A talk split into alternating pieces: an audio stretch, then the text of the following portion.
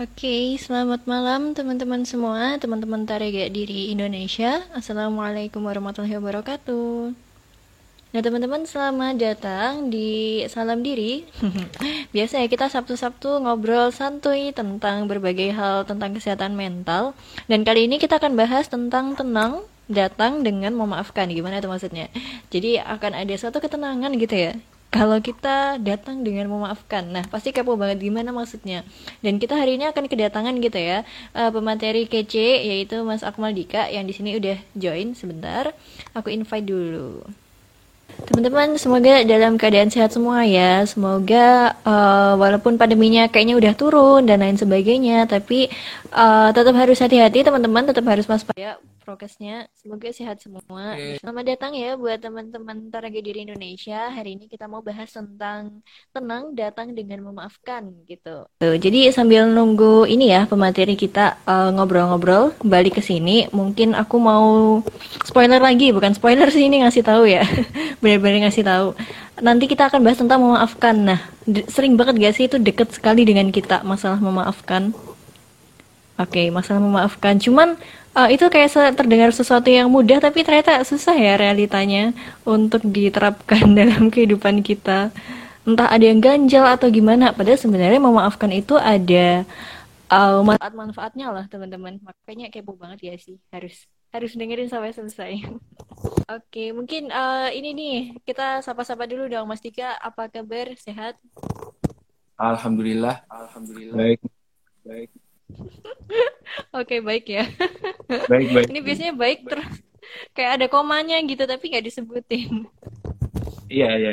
Cuma agak cuma apa ya agak lemah gitu kan karena gitu kan habis vaksin dan vaksin dan tapi nggak Oke, luar biasa. Iya. Oke, ini kita disemangatin dong. Semangat Kak Cina Kak Dika. Terima kasih banyak ya. semangatnya. Ya harus semangat dong ya kita malam minggu membantu teman-teman yang tidak bisa bermalam minggu dengan ngobrol asik di sini. Ya semoga bermanfaat ya obrolan kita malam hari ini. Iya, amin amin. Nah kita mau bahas tentang memaafkan ya, Mas Dika ya. Um, mungkin uh, sebelum bahas itu, uh, sebelum bahas lebih dalam, sebenarnya memaafkan itu apa sih gitu? Entah menurut KBBI atau menurut tinjauan psikologis ya harusnya ya. Uh, Oke, okay, okay. kalau aku mau jawab dulu ya dari tinjauan psikologis gitu. Jadi kalau untuk beberapa pendapat dari dari tokoh gitu, teori gitu, bahwasanya memaafkan itu adalah usaha untuk membuat apa ya, tidak ada dendam ataupun sakit hati gitu. Kurang lebihnya seperti itu gitu. Cuma kan secara garis besar beberapa tokoh itu ada tambahan-tambahannya gitu. Jadi contoh kalau tadi kan yang uh, usaha untuk agar uh, tidak ada rasa ingin membalas dendam rasa sakit hati dan juga kalau ada tambahannya itu juga uh, agar bisa menjalin hubungan baik kembali kepada eh, apa dengan orang lain seperti itu dengan orang yang menyakiti kita terutama seperti itu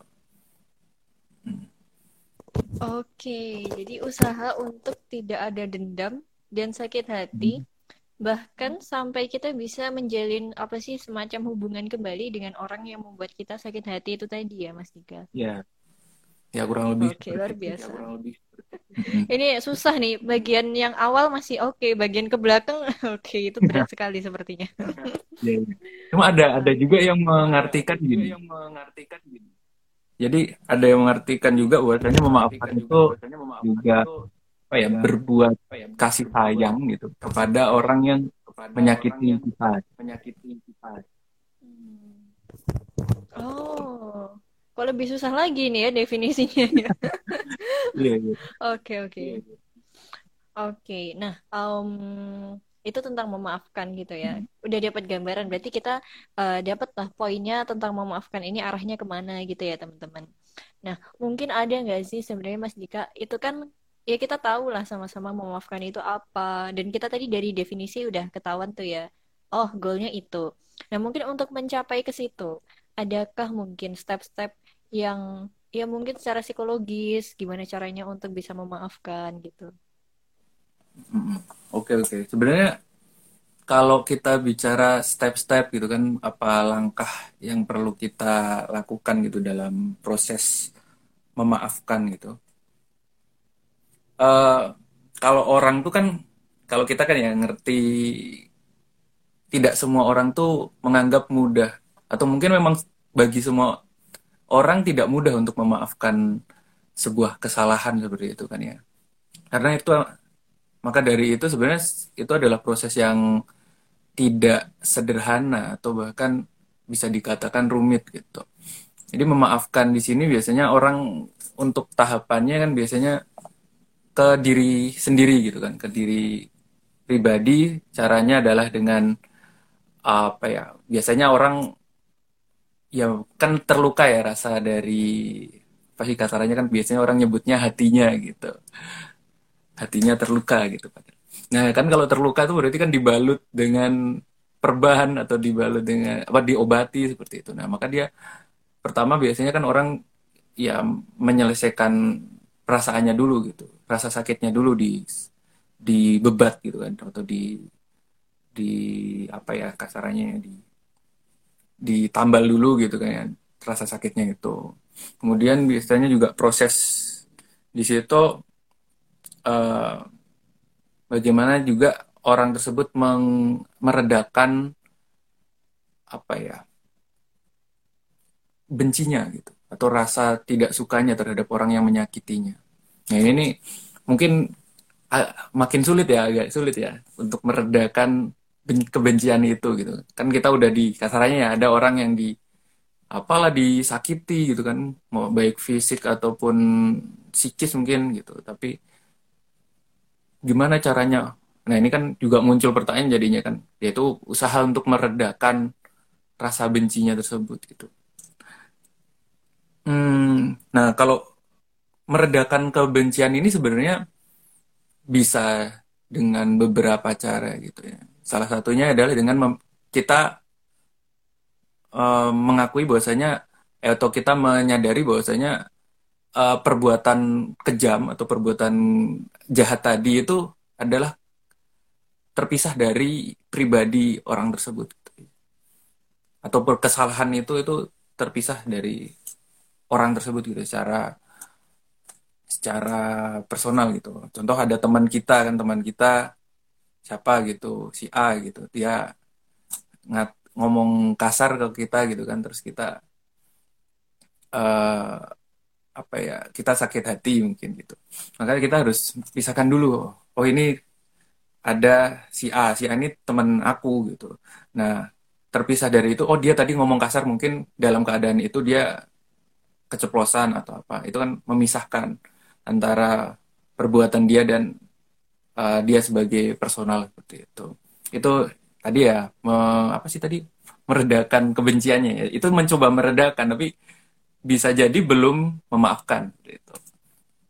Jadi kan terus tahapan oke okay, sampai sini ada yang ditanyakan mungkin karena Oke, ini belum ada sih ya, tapi ini apa namanya buat hmm. teman-teman kalau ada yang pengen ditanyakan itu bisa langsung di kolom komentar atau juga bisa di kolom question gitu ya. Langsung aja nggak apa-apa nanti kita bahas bareng-bareng gitu di sini. Ini ada nih yang komen-komen nih katanya hatinya terluka karena rindu. Waduh. kalau ini gimana? ini gimana Mas Dika? Kalau karena rindu bisa dibebat pakai apa? Kak Makmul nih, wah. Kak Makmul. Temen saya nih dulu waktu SMA. ya kayaknya kayaknya rindu rindu Mas Dika nih makanya datang nih ya. Iya.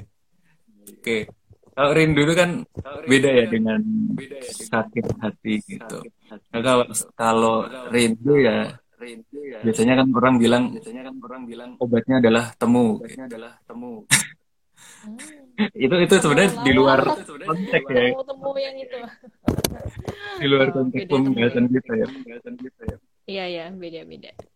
Ya nanti gitu. Jadi, bisa ketemu ketemu. Oke. Oke. Ketemu Mas Dika atau mungkin pakai temu yang lain, temu lawak, temu kunci gitu. Nah, temu lawak, temu lawak. Oke, ini jokesnya garing banget teman-teman, mohon maaf ya. Oke. Oke, itu yang pertama teman-teman, meredakan bencinya dulu. Oh ini nih ada lagi nih. Aku suka tidak sadar. Oh ini nih. Aku suka tidak sadar melakukan kekerasan lisan. Itu gimana Mas Dika? Waduh, waduh. Agak sulit ya ini ya. Mungkin nanti bisa hal-hal semacam itu kan biasanya keceplosan atau mungkin di lingkungan yang berbeda gitu kan atau lingkungan yang memang sudah akrab kan biasanya orang-orang tuh kadang merasa ada rasa aman kan di pada dirinya gitu. Sehingga dia akan lebih mudah untuk mengekspresikan dirinya gitu ya. Mungkin seperti itu. Tapi kalau seandainya itu udah apa arahnya sudah kekerasan yang apa ya yang berlebihan seperti itu atau sering mudah menyakiti orang ya mungkin itu perlu penanganan atau bantuan ya terkait men apa ya meredakan atau juga menuntaskan permasalahan tersebut itu bisa melalui konseling di apa konselor psikologi atau bisa ke psikolog itu itu mungkin kita lanjut aja ya kak Atna ya. Iya boleh banget. Selanjutnya ya. ada tahap apa lagi nih? Tadi kan yang pertama membalut luka membalut sakit hati tadi kan ya. Terus juga meredakan rasa benci kemudian yang selanjutnya biasa orang lakukan yaitu tentunya tadi ya nggak cuma membalut aja lukanya masih ada atau nggak cuma meredakan aja tapi kita mencoba untuk menyembuhkan diri seperti itu. Menyembuhkan uh, sakit tersebut gitu. Jadi kan biasanya orang kalau benci itu kalau ketemu orang lain tuh ada sakit ya ada sesak gitu kan. Ada yang menyesakkan di dada seperti itu. Nah itu bagaimana menyembuhkannya? Ya tadi uh, maka di sini masuk ke dalam tahapan untuk memaafkan di situ. Maka di sinilah cara kita untuk bisa sembuh dari rasa benci itu bisa sembuh dari rasa dendam itu adalah ya dengan memaafkan tadi. Jadi memaafkannya uh, ya tadi dengan cara-cara bahwasanya tadi sadari bahwasanya terpisah ya antara orang dan perilakunya tadi. Nah, bagaimana dengan itu? Maka nanti selanjutnya akan dibahas lagi gitu kan. Jadi kalau memaafkan tuh uh, kita harus membebaskan diri orang tersebut dari kesalahannya gitu. Kita harus sadari bahwasanya setiap orang tuh jelas ya namanya manusia nggak luput dari kesalahan gitu atau hilafnya. Tapi bukan berarti kita diam diri aja gitu. Bukan kita pasrah atau dibiarin aja gitu kan maka kita harus tadi ya memaafkan gitu atau kita juga harus me apa ya namanya me menegur gitu kesalahannya itu apa atau juga memperbaiki perilaku yang tidak disukainya tadi gitu. Nah, itu adalah juga bagian dari memaafkan gitu. Karena kalau seandainya kita tidak me apa ya, tidak menegur atau tidak memberi kasih tadi gitu kan. Ya kan me memberikan apa jalan yang benar itu atau menunjukkan yang seharusnya yang tidak menyakiti itu kan adalah suatu hal yang apa ya yang bentuk dari kasih sayang juga terhadap orang yang tadi menyakiti kita seperti itu. Jangan sampai kan nah dengan itu kan kita terus oh dia udah berubah. Nah itu juga salah satu terus kita juga meren, me, apa ya mengurangi kebencian kita. Oh dia udah berubah. Oh dia bisa loh berubah gitu. Seperti itu. Nah ini ada yang komen sulit mas. Uh, iya memang sulit. Makanya tadi kan tahapannya berlevel-level gitu ya. Tahapannya tidak semua orang tuh bisa tidak bisa apa belum bisa belum bisa untuk melakukan. Bukan berarti tidak bisa ya. Sebenarnya bisa tapi kalau diusahakan terus nanti yang terakhir ketika sudah mampu untuk menyelesaikan itu, maka bisa untuk berjalan bersama atau mungkin bisa berjalan bersama dulu atau uh, bertemu berbincang kembali gitu. Dan di situ pun nanti akan ada proses bahwasanya memahami kembali atau mengetahui uh, perkembangannya dari orang tersebut seperti itu kan butuh proses. Nah ini nih yang kadang susah karena biasanya orang yang saling membenci itu kan saling menghindari seperti itu. Nah, saling menghindari kita akan terus ter apa ya terbelenggu dalam konsep uh, apa ya pandangan kita terhadap orang tersebut gitu kan konsep buruk itu gitu konsep bahwasanya dia tidak berubah ah, dia masih seseorang yang pribadinya buruk oh dia masih uh, suka menyak bakal menyakiti aku lagi ya. Beda dengan kalau kita tadi ya kita mencoba untuk ber kembali bersama menjalin lagi kan kita akan bertemu lagi image yang mungkin bisa jadi baru gitu. Setelah kita tadi ya tentunya ya, tadi akan tahapannya proses menegur proses memberitahu gitu kan ya. Apa yang mungkin menjadi apa ya kendala buat kita untuk dekat kembali dengan dia gitu. Itu sih Oke, stepnya memang panjang dan tentunya uh, hmm. bisa dibilang sulit, butuh waktu yang panjang juga ya teman-teman. Oke, nah um, ini nih sebenarnya dalam proses untuk memaafkan itu ya Mas, um, apa sih kayak semacam apakah kita harus benar-benar sadar atau mungkin bahasa psikologisnya mindfulness gitu?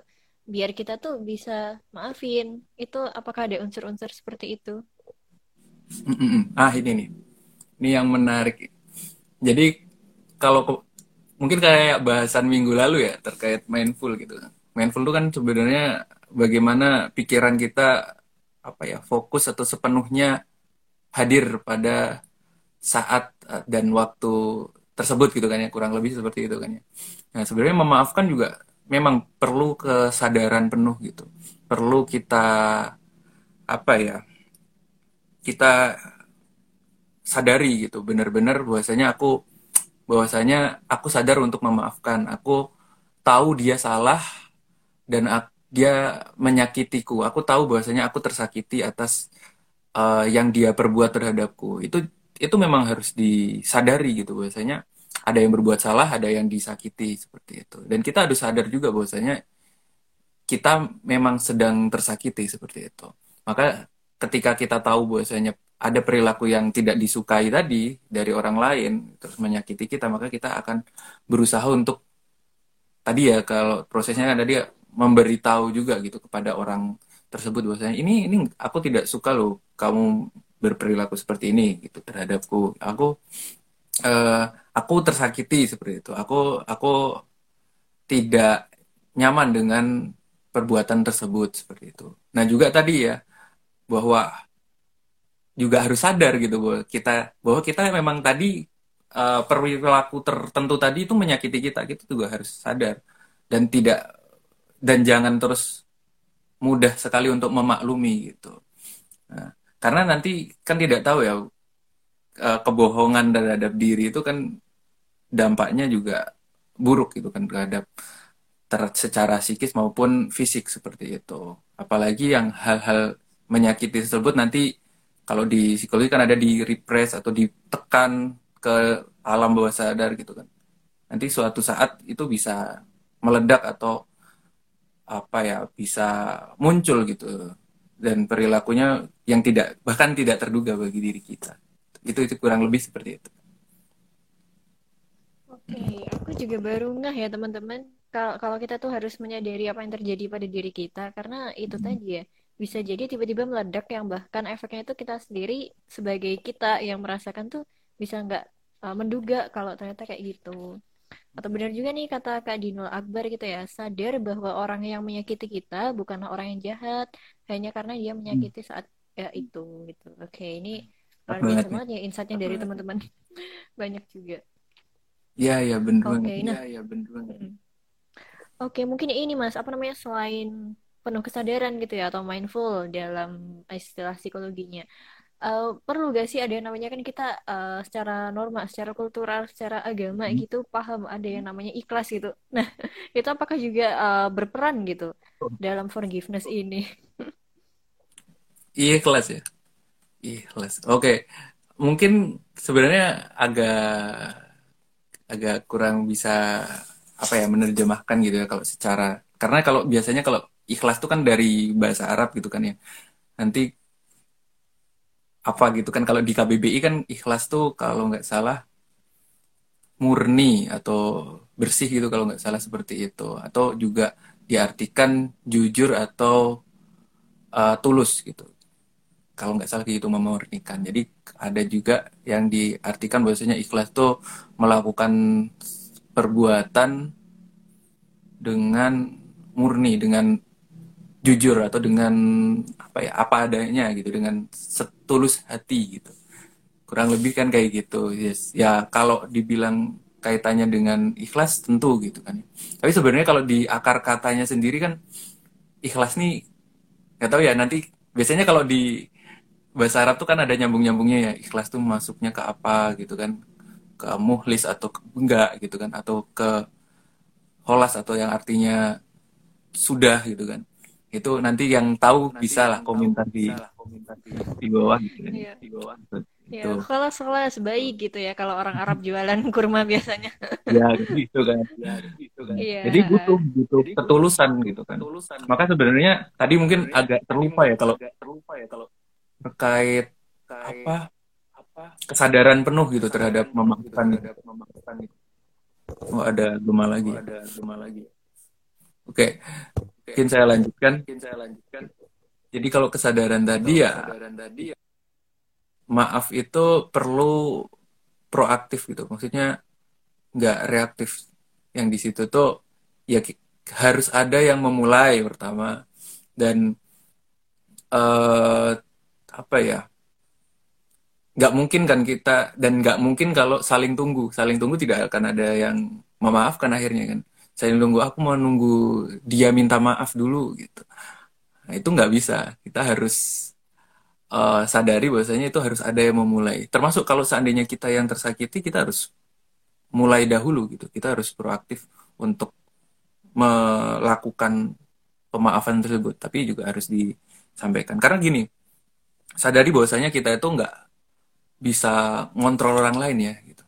Kita nggak pernah tahu orang lain tuh apa yang ada di benak dia, apa yang ada di dalam diri dia seperti itu. Atau bahkan sesuatu yang menyakiti itu kan itu kan persepsi kita gitu kan terhadap uh, respon kita terhadap uh, situasi yang menyakitkan tadi kan bisa jadi sebenarnya itu adalah bisa tadi salah paham bisa situasi yang memang keadaannya genting gitu kan tiba-tiba ada orang nyeletuk apa gitu kan. Karena genting itu situasinya genting atau semacamnya kan kita tidak tahu maka butuh tadi uh, komunikasi ya kan.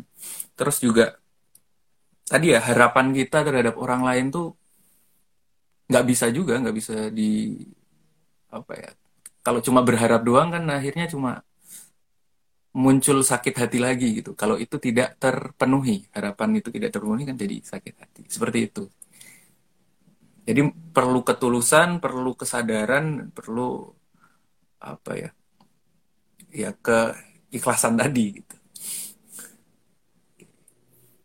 Oke, ya benar ya teman-teman. Ada banyak hmm. hal gitu yang juga perlu dilibatkan untuk kita bisa memaafkan. Wah itu luar biasa banget. Nah, tapi teman-teman uh, ini akan lebih seru, akan lebih uh, apa ya, impactful gitu ya menurutku. Kalau kita tahu sebenarnya manfaatnya memaafkan ini untuk kita gitu ya, secara fisik maupun psikis itu apa? Itu ini kayaknya akan seru banget habis itu bahasanya. Oke oke, mantap nih. Gimana kak? Oh, iya, saya tanya ini ceritanya. kan ini ya ibarat nih, ibarat nih teman-teman uh, apa namanya kalau misalnya kita apa namanya kayak pengen tahu ibadah sunnah gitu, kan kita suka diiming-imingi dulu nih, kamu nanti dapat ini, dapat itu. Kalau baca al sebelum tidur nanti apa namanya diringankan di alam bar, di alam kubur dan lain sebagainya itu kan kita jadi pengen tuh, ya kan? Jadi kayak hmm. oh iya nih kita dapat manfaat ini itu. Nah, tapi apa nih kalau manfaat dari apa namanya memaafkan itu ke kita secara fisik, secara psikis gitu apa sih Mas Dika? Hmm. Oke oke, ini agak jelimet ya uh, pembahasan terkait apa manfaat kehadap diri kita. Tapi sebenarnya besar manfaat dari memaafkan itu. Dan tidak hanya orang yang tulus ikhlas tadi ya, yang sebenarnya bisa menerima manfaatnya dari memaafkan itu.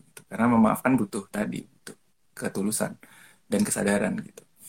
Jadi yang pertama itu pahami bahwasanya memaafkan itu nggak nggak apa ya nggak serta merta untuk orang lain loh. Memaafkan tuh emang untuk diri kita sendiri gitu.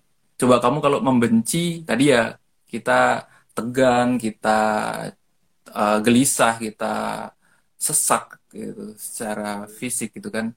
Kita ngerasa nggak nyaman. Nah itu kan diri kita apa ya nggak tenang gitu kan. Nah sedangkan dengan memaafkan kesalahan tersebut kan berarti kita terbebas dari kekangan tadi gitu. Ibarat kan sebenarnya membenci ataupun dendam itu ibarat api yang sedang melalap apa ya pohon gitu kan. Melalap pohon kering gitu. Nah maka memaafkan itu semacam hujan yang mematikan api tersebut gitu. Yang mungkin pohon kering itu bisa kembali tumbuh dan bisa ber apa ya berdaun lagi terus sehat lagi gitu. Kayak gitu. Nggak nggak terbakar habis seperti itu. Kurang lebihnya seperti itu. Itu kembali kepada diri kita kembali gitu. Secara tadi ya kalau secara psikis yang jelas kita berhak atas ketenangan hati kita gitu. Dengan cara memaafkan tadi. Itu kak Oke, ya benar banget ya teman-teman. Ketenangan apa ya, hati rasa aman itu tuh mahal banget.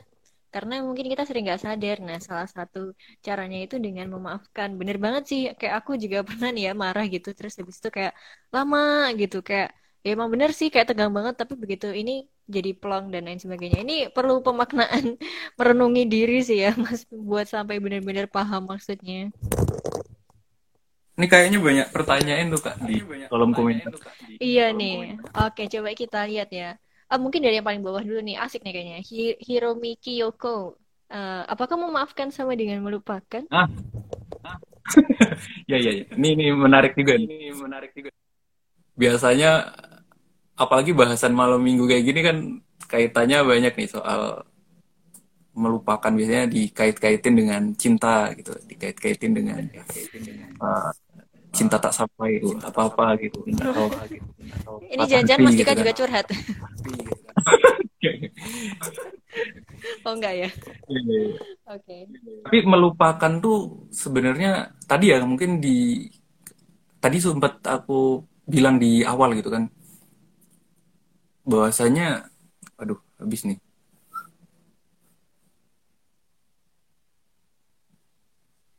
Oke. Okay. masuk gak nih suaranya. Iya masuk. Suaranya. Masuk masuk. Oke. Okay. Emang sempat ngelag sih tapi ya? aman. Ya? Oke, jadi sebenarnya tuh pertama itu berbeda ya dengan melupakan gitu.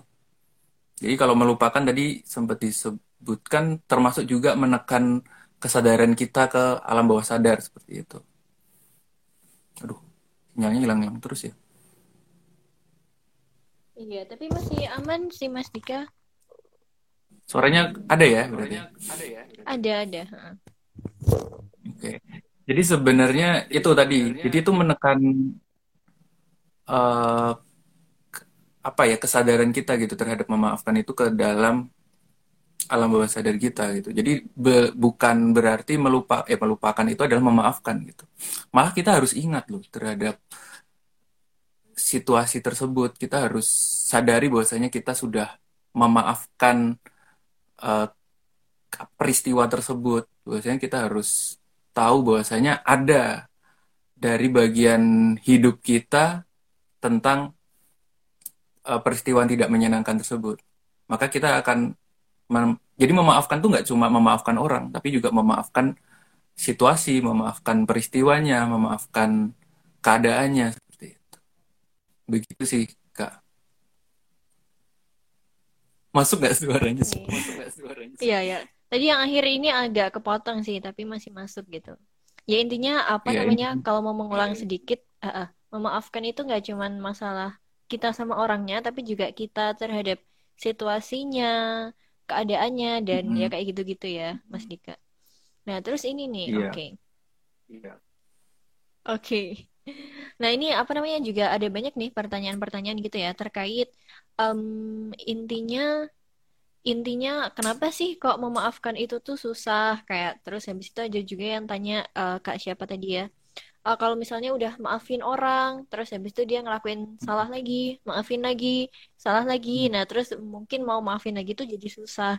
Nah sebenarnya kenapa sih Mas Dika kok um, apa ya seseorang tuh bisa susah gitu melakukan forgiveness atau memaafkan ini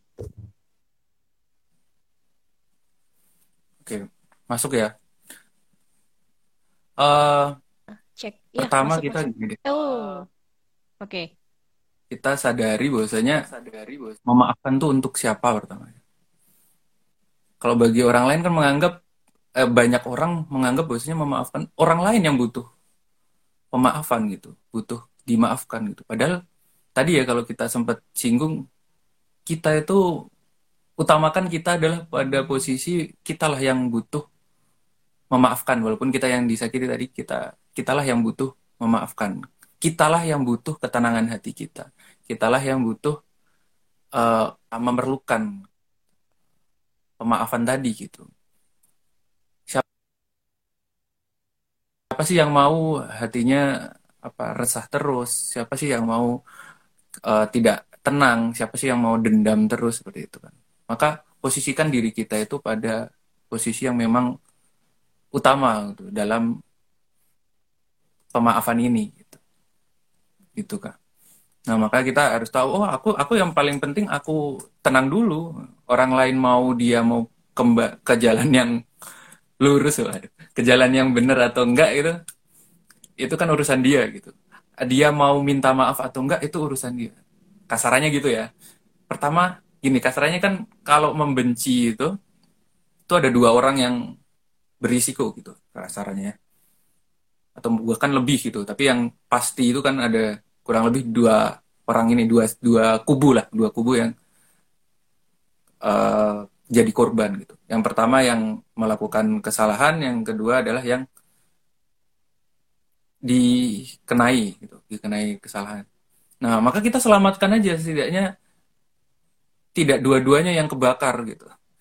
Setidaknya satu orang selamat, yaitu diri kita terutama. Yang bisa kita lakukan kan diri kita dahulu gitu. Kita nggak bisa tadi ya, kita nggak bisa ngontrol orang lain, kita nggak bisa apa ya membuat orang lain itu sesuai dengan diri kita gitu. Yang bisa kita lakukan ya cuma eh yang bisa kita lakukan ada yang paling dekat ya tadi diri kita sendiri. Diri kita lah yang paling mampu kita kendalikan seperti itu. Itu sih kak. Nah. Masuk kan. Oke. Okay. Ini aku Oke, suaranya tapi masuk nggak? Okay. Suaranya masuk. masuk, masuk. Suaranya masuk emang tapi gambarnya ada ngelek-ngeleknya gitu hmm. sih Mas Dika. Oke. Okay. Oke. Okay. Nah, itu itu ya teman-teman, uh, tapi logikanya masuk akal banget sih. Uh, ada dua orang yang beresiko gitu ya ketika ada yang apa ya, saling benci atau saling marah gitu. Daripada dua-duanya kena, paling nggak kita selamati diri kita. Karena kita nggak bisa kontrol orang lain gitu. Oke, itu sangat-sangat masuk akal sebenarnya ya. Oke, coba kita mau lihat-lihat ini lagi. Tadi ada banyak pertanyaan sih, Mas Dika. Mm -hmm. Oke. Mm -hmm. Um, ini nih nih nih sebentar. Dari question box. Dari Kadinul Akbar, bagaimana cara memaafkan secara objektif dan tidak terbawa oleh si rasa sakit? Nah, oke, okay, ini objektif banget. Tadi udah kasih hmm. contoh yang objektif, sekarang nih, gimana nih untuk pertanyaan ini, Mas Dika? Tadi ya, objektif ya. Benar sebenarnya gimana ya? Ada teori juga sebenarnya. Ini teori ya, karena karena nggak semua nggak berlaku mungkin nggak berlaku untuk semua orang. Cuma uh, ini bisa membantu untuk mengklasifikasikan gitu. Jadi pemaafan tuh ada dua dimensi. Yang pertama itu dimensi kognitif dan dimensi interpersonal kalau nggak salah kayak gitu. Jadi kalau dimensi kognitif tadi ya tadi coba kita sadari bahwasanya tadi ya terpisah ya kesalahan dan orangnya. Kita jangan benci orangnya tapi kita benci kesalahan yang dia lakukan seperti itu kan secara kognitif, secara interpersonal tadi uh, bagaimana kita menjalin kembali hubungan tersebut dengan orang lain seperti itu. Jadi secara tadi secara kognitif kita uh, sadari bahwasanya itu adalah perilaku itu bis, bisa kita tegur, bisa kita itu adalah orang tuh nggak jahat gitu kan tadi ya kalau pernah dibilang kan tadi orang tuh nggak jahat mungkin lagi keselip aja oh mungkin ini dia lah dia tidak tahu bahkan dia tidak tahu berbuat baik itu seperti apa kan ada mungkin ada orang yang semacam itu gitu kan nah maka kita beritahu nih ya cara yang baik gitu itu objektifnya kan kayak gitu ada perilaku ini berarti bagaimana kita merespon perilaku tersebut dan bagaimana agar perilaku yang tidak disukai itu bisa di dihilangkan atau dikurangi seperti itu dari orang lain. Gitu. Yang kedua tadi menjalin kan ya dimensi interpersonalnya tadi ya hubungannya itu bagaimana bisa terjaga seperti itu dengan orang yang tadi berbuat salah. Gitu sih kak, kalau mau objektif, kalau rasa sakit di apa ya di rasionalisasi agak ini ya bagi banyak orang agak sulit ya. Ya nggak sih kak?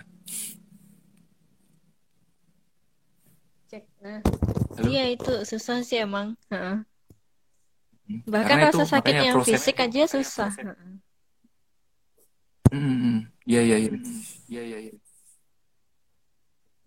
Maka Oke. maka tadi ya prosesnya maka tadi ya prosesnya tidak tidak mudah dan butuh waktu butuh waktu praktis ya instan ya instan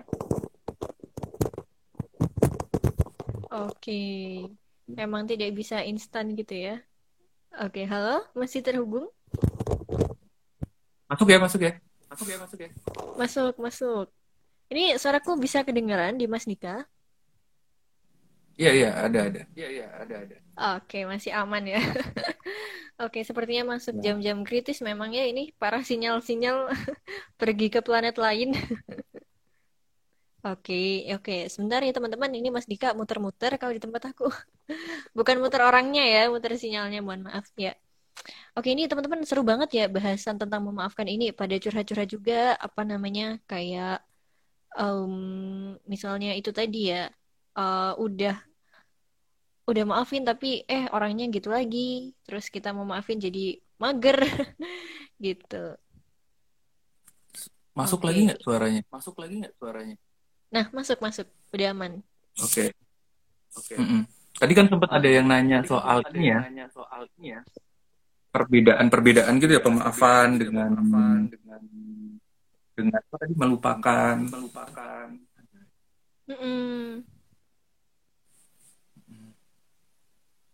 Soalnya sebenarnya ada beberapa hal yang mungkin dianggap memaafkan. gitu. memaafkan. Ya tadi kayak ya tadi kayak melupakan. melupakan ada juga sebenarnya tadi ya sempat tadi disinggung ya di awal tuh kayak memaklumi pemakluman gitu. pemakluman gitu. Terus membiaran gitu. pembiaran Nah, Hmm. sebenarnya adalah ya tadi adalah karena kita tadi ya kita karena sepakati kita bahwasanya ya kita sepakati bahwasanya memaafkan tuh harus kita lakukan secara sadar maka kita sadari juga bahwasanya itu adalah perbuatan uh, pembiaran adalah ataupun uh, pemakluman pe- pemakluman pe- melupakan itu adalah sesuatu yang berbeda sekali dengan sesuatu yang berbeda Maafan. maafan Hmm. gitu kan yang jelas kita Oke. yang jelas kita harus Tapi kalau ini kayak bentuk harus ini harus Gimana Gimana? gimana? Mohon maaf ini kayaknya Ya, karena intinya pengaruh sinyal ya. tadi ya. Boleh dilanjutin dulu, ha. ya intinya tuh tadi Ya, tidak dibiarkan tadi saja dan tidak saja di dan tidak uh, maklumi gitu kalau ada kesalahan maka jangan dimaklumi kesalahan maka jangan dimaklumi pemaafan tuh tadi berbagi kasih sayang berbagi kasih sayang Oke. Oke, ya ya ini dapat poinnya ya teman-teman. Memang bentuk-bentuk ignoring kayak gitu, mengabaikan, melupakan dan lain sebagainya itu uh, bukan dalam bentuk pemaafan. Justru kita tuh harus sadar uh, supaya kita bisa ya itu ya memaafkan balik lagi gitu. Nah, ini uh, mungkin sebelum kita lanjut itu ya, ini tadi ada sebenarnya ya yang nanya gitu Kak. Eh, tentang ini nih, beda banget nih pertanyaannya ya. Kalau ada orang yang menyakiti kita nih, orang yang menyakiti, menyakiti kita itu apakah bentuk pelampiasan yang dialami oleh dirinya sendiri? Jadi misalnya orang marah sama aku, sebenarnya dia tuh ya pelampiasan aja gitu terhadap apa yang dia rasakan. Itu bisa kayak gitu nggak sih, Mas Dika? hmm hmm, kalau dilihat dari kalau satu dilihat dari dimensi saja sebenarnya nggak bisa ya karena banyak hal orang itu berperilaku gitu atau berbuat sesuatu seperti itu kan itu perlu diyakini nggak selalu orang yang melakukan kejahatan ke kita itu adalah bentuk apa ya kayak refleksi eh bentuk refleksi bentuk apa sih namanya reaksi dari ketidakpuasan terhadap dirinya atau bentuk ketidaksukaannya dia juga gitu. itu banyak hal itu yang bisa menyebabkan hal tersebut seperti itu. Tapi ada kemungkinan. Gitu. Oke, iya, iya, memang manusia itu dinamis ya, Mas Dika. Jadi nggak bisa Hmm, bilang iya itu bentuk pelampiasannya, tapi ada kemungkinan memang itu bentuk pelampiasan gitu ya. gitu. Oke, Eh, nah, tadi sebenarnya hmm. ada pertanyaan yang pertanyaan yang tidak tidak apa ya, tidak apa ya, kurang terjawab ya tadi ya. kurang terjawab ya tadi ya. Oh, oke. Yang mana Ada tuh? yang nanya, Ada yang nanya, ada apa tadi ada kayak ada susah kayak untuk ada memaafkan gitu kan? untuk memaafkan gitu kan. Oh ada orang ya, orang memaafkan gitu. memaafkan gitu. Iya. Gimana itu Mas Hmm, itu Dika? Kenapa ada yang susah? hmm, sebenarnya gini. Hmm, sebenarnya gini.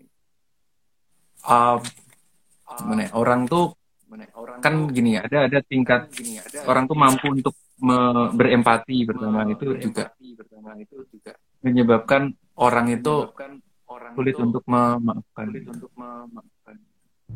Empati itu maksudnya kita Empati bisa merasakan apa yang dirasakan, eh, mencoba untuk merasakan or apa yang dirasakan orang lain gitu kan. Ya walaupun memang bentuknya agak ada beberapa asumsi, cuma di situ coba kita mencoba untuk me- apa ya berempati tadi ber mencoba untuk mengetahui apa sih kenapa dia berbuat seperti itu kepadaku gitu. Oh dia di luar untuk berbuat seperti itu dia juga butuh kasarnya ya buat butuh perhatianku untuk diperbaiki perilakunya gitu. Wah, atau butuh sesuatu yang di luar situ gitu kan. Nah, itu kadang ada orang yang sulit tuh tadi karena mungkin dalam berempati juga sulit. Jadi dua-duanya jadinya sama-sama kurang berempati yang satu ngejahatin tadi jelas ya mungkin biasanya orang jahat juga menjahati orang lain tuh kurangnya empati juga gitu. Nah, jangan sampai kita yang dijahati juga kurang berempati juga itu itu juga menyebab jadi orang tuh susah untuk memaafkan gitu. Oh bahwasanya dia dia berhak untuk menjadi orang yang lebih baik gitu. Itu itu juga salah satu cara kita berempati seperti itu. Terus yang kedua eh apa ya? Penilaian kita terhadap orang lain seperti itu. Jadi kalau orang lain eh, apa ya? Kita bagaimana kita menilai tadi ya kalau wah orang itu akan jahat terus nggak mungkin ya gitu kan itu juga suatu duri ya dalam kayak duri dalam daging gitu kan istilahnya kayak gitu ya nah itu juga harus yang perlu di apa ya diarahkan kembali pemikiran kita terhadap stigma kita pada orang lain tadi gitu kan. Itu yang menyebabkan orang sulit sulit untuk memaafkan gitu. Terus juga tingkat lukanya. Biasanya kan ada yang kejahatannya atau kesalahannya tuh berat gitu kan. Jadi orang tuh sulit nih untuk memaafkannya gitu. Kayak contoh dihianati atau dicampakan gitu kan. Itu kan mungkin bagi sebagian besar orang itu adalah sesuatu yang berat gitu. Maka untuk prosesnya untuk memaafkan kan juga sulit gitu kan. Untuk prosesnya kan lama seperti itu. Itu yang menyebabkan orang eh, juga membuat orang sulit untuk memaafkan seperti itu. Terus juga eh, kualitas hubungannya gitu. Nah kualitas hubungan ini sangat berpengaruh ya. Karena contoh dia siapa sih? Dia teman atau dia keluarga gitu. Nah kalau kualitas kita dengan ter- termasuk ya kalau kesalahan mungkin dari keluarga ada beberapa yang mungkin kalau dekat dengan keluarganya kan jadi bisa mudah untuk memaafkan saling ngomong saling ketemu lagi karena ada kebutuhan untuk bersama dan sebagainya seperti itu. Tapi sebagian orang juga bahkan malah keluarga tidak mudah untuk memaafkan keluarganya gitu kan. Ada yang atau dengan teman dekat oh kita eh, atau dengan ya teman dekat atau pasangan yang kita butuh terus bersama dia gitu kan ya. Nah itu kan juga karena kebutuhan itu juga kita jadi antara mudah dan sulit untuk memaafkan. Nah kedekatan ini mempengaruhi gitu. Termasuk eh, pemaafan ini akan di tapi ini kan di luar kemauan di luar eh, kendali kita ya. Kayak contoh ada orang lain orang di luar dua orang yang berselisih ini yang membantu untuk eh, pemaafan itu juga salah satu eh, hal yang bisa mendukung terjadinya pemaafan tersebut. Gitu Kak. Oke, Langsung ya banyak banget ya teman-teman. Masuk, masuk, masuk kok. Oke. Banyak banget ya teman-teman ternyata hal-hal yang apa ya bikin kita bisa memaafkan tuh ada banyak. Termasuk kualitas hubungan yang terakhir ini ya yang disebutin.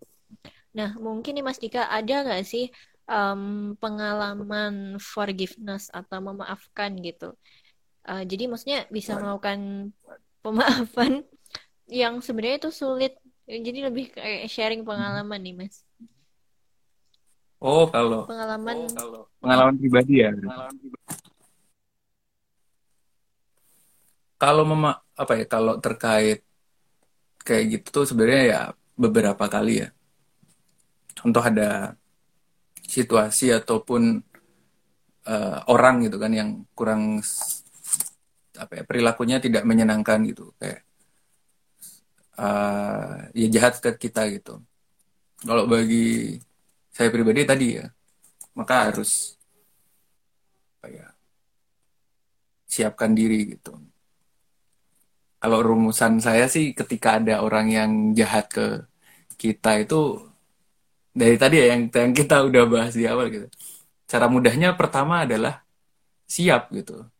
Siap untuk memaafkan.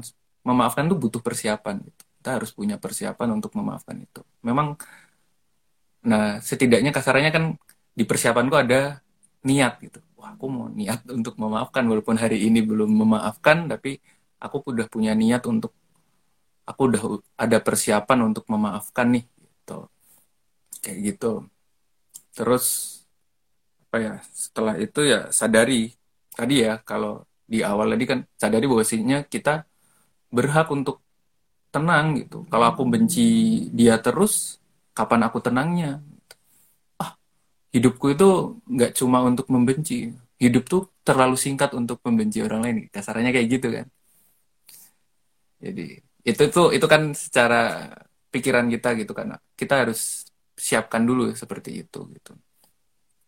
Terus eh tadi ya yang sempat juga dibilang bahwasanya ya kesalahan tersebut tuh kadang orang lain tuh melakukan kesalahan kadang situasinya atau kadang memang keadaannya gitu. Atau kadang memang dia tidak punya nilai-nilai atau tidak belum punya nilai-nilai yang yang apa benar atau lurus itu karena saya pribadi pernah ya ngalamin ada anak yang mungkin anak temen-temen ya, temen saya gitu kan, yang dia itu secara nilai nilai tertentu gitu, it- eh, nilai hidupnya ya, nilai hidup tuh eh, mungkin bisa dibilang salah gitu kan.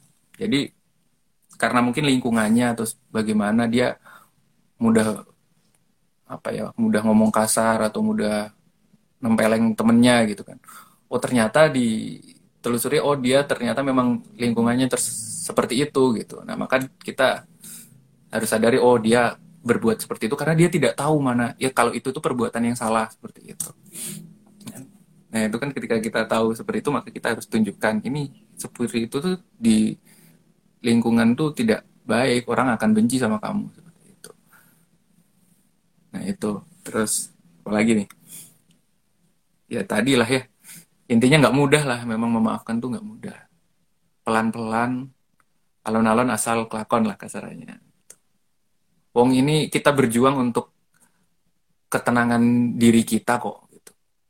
Yang diutamakan yang pertama ketenangan diri kita untuk kebaikan bersama untuk eh, kemaslahatan gitu. Sebenarnya kayak gitu lah ya. tapi yang utama kan tadi itu untuk ketenangan diri kita ya setidaknya diusahakan walaupun sedikit seperti itu Tuh, intinya intinya intinya adalah kita berhak atas ketenangan. Atas ketenangan ketenangan diri kita. Ketenangan diri kita. Oke, ya. Nih, ini bisa kayak jadi quotes gitu ya, teman-teman, bahwa kita itu berhak atas ketenangan diri kita. Dan juga apa namanya? Tadi aku suka banget sih yang bagian hidup itu terlalu pendek untuk membenci gitu. Dan salah satu kuncinya biar kita tidak membenci ya itu tadi ya, Mas Dika dengan memaafkan. Hmm. Hmm. Oke, nah Oke, nah mungkin teman-teman gitu ya masih membuka gitu teman-teman kalau mau tanya boleh di kolom komentar atau juga di question apa sih ini namanya fitur pertanyaan di situ boleh banget teman-teman. Nah ini ada sedikit ya teman-teman, uh, Mas Dika, uh, apakah memaafkan itu sama dengan welas asih? Kan tadi ini ya hmm. ada ya hmm. bagian apa namanya hmm. uh, kita juga harus kasih punya kasih sayang gitu ke orang yang menyalahi kita ngejahatin kita. Nah itu sama nggak sih sebenarnya? Ya gini aja deh. Seperti yang di awal tadi ya bahasanya memang memaafkan itu adalah bagian dari kasarnya ya. Anggap saja seperti itu bagian dari ulas asih juga gitu. Bagian dari kita berbagi kasih berbagi kasih sayang seperti itu. Dengan kita memaafkan pertama kita walas asih terhadap diri kita sendiri ya kan? Itu tadi yang utama ya. Yang kedua, kita juga berbuat kasih kepada orang lain karena kita ketika kita memaafkan, maka kesalahan itu kan mungkin banyak juga orang yang berbuat salah itu kan bukan karena apa ya atau ya tadi kayak kayak peristiwanya atau keadaannya yang membuat dia itu berbuat menyakitkan tadi gitu. Nah, dengan memaafkan dia juga akan tenang. Oh aku rasa bersalah dia terbebaskan oh dia terbebaskan dari rasa bersalah itu kan berarti welas asih terus juga welas asih terhadap tadi ketidaktahuan kadang kan tadi yang aku pernah cerita kan ada temen yang ternyata nilai nilai-nilai hidupnya ada yang salah gitu cara dia perilaku ada yang salah. Ketidaktahuan itu akhirnya dia terbebas dari ketidaktahuan tersebut gitu. Maka ketidaktahuan yang tadi itu bisa apa berubah ke perilaku yang lebih tepat seperti itu. Itu kan berarti memang bagian juga dari kelas asih gitu dengan memaafkan itu. Itu Kak. Oke. Ada juga ya ternyata yang kepikiran sampai ke welas asih. Bahkan aku udah kayak lama banget gak dengar kata welas asih. Keren banget, keren banget hmm. teman-teman. Oke, kita jadi memahami ini semua ya. Nah mungkin um, apa ini udah menjelang ini ya teman-teman nggak kerasa udah hampir satu jam kita ngobrol-ngobrol. Mungkin Mas Dika um, apakah ada semacam closing statement gitu uh, atau mungkin berupa saran saran sih ya saran dan pesan gini untuk teman-teman agak diri uh, terkait dengan forgiveness atau memaafkan ini. Mungkin agak apa ya merangkum tadi ya pertama kita harus siap untuk memaafkan. Kita harus punya persiapan, punya niat untuk memaafkan. Terus yang kedua adalah bahwasanya sadari bahwasanya semua semua orang lah ya itu berhak untuk tenang, terutama diri kita. Itu. Terus apa ya? Ya intinya mungkin memaafkan itu sulit dan apa ya? Dan rasa sakit itu memang ada gitu dalam tadi ya dalam peristiwa peristiwa tertentu. Tapi ya kita kembali ke kata-kata yang tadi bahwasanya kita semua berhak untuk ketenangan hati kita dengan memaafkan seperti itu. Karena dunia ini diciptakan indah dan kalau kita terus-menerus membenci bisa jadi kita lupa untuk menikmati keindahan tersebut. Gitu. Mungkin gitu. Baru aja kepikiran. Mas. Oke, ini yang baru aja kepikiran tapi malah ini ya jadi gong juga Mas Dika. Dunia ini diciptakan indah dan kalau kita terus membenci, kita malah uh, melupakan keindahan itu gitu. Ini keren banget serius keren banget. Hmm. Oke, gitu ya teman-teman untuk obrolan hari ini. Terima kasih banget gitu buat teman-teman yang udah join di sini. Tadi rame banget ya di sini pertanyaan-pertanyaan, tanggapan-tanggapan termasuk curhatan-curhatan ya Mas Dika. Kayak rindu dan lain sebagainya. Wih, keren banget lah teman-teman.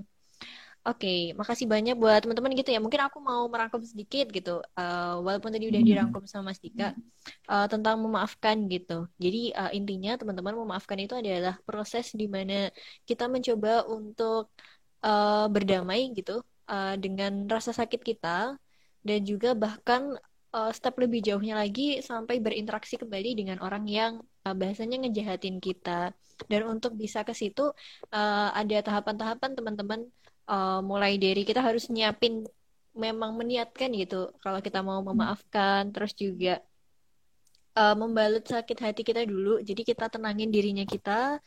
Terus habis itu coba lagi untuk uh, meredakan bencinya itu gitu. Jadi kita maafin kita kita tenangin diri terus kita meredakan benci. Baru sampai nanti akhirnya kita bisa lah uh, mencoba untuk menyembuhkan diri dan juga sampai coba uh, berjalan bersama dengan orangnya. Dan lagi-lagi ya teman-teman uh, bahwa ketenangan itu adalah hak kita. Jadi kita sendiri yang bisa memenuhinya dengan cara salah satunya dengan memaafkan itu tadi. Keren banget. Dunia ini diciptakan indah teman-teman kalau kata Mas Dika ya. diciptakan indah dan jangan sampai kita melupakan keindahan itu hanya karena kita tidak memaafkan. Oke, teman-teman, gak kerasa ini beneran udah satu jam gitu ya, teman-teman, kita ngobrolnya. Makasih banyak buat hmm. Mas Dika, makasih banyak juga buat teman-teman. Uh, jangan lupa gitu ya, tiap Sabtu uh, selalu tune in ya, di IG-nya Tara Gak Diri akan banyak banget bahasan-bahasan asik tentang kesehatan mental dan lain sebagainya. Dan juga pantengin terus ada info-info apa aja di dalam Tara Gak Diri. Keren banget. Kalau gitu sekian buat hari ini. Makasih sekali lagi buat Mas Dika gitu ya untuk pembahasan memaafkan. Makasih, Semoga teman-teman bisa Iya, semoga teman-teman bisa saling memaafkan. Aku memaafkan, Mas Dika memaafkan, dan juga teman-teman.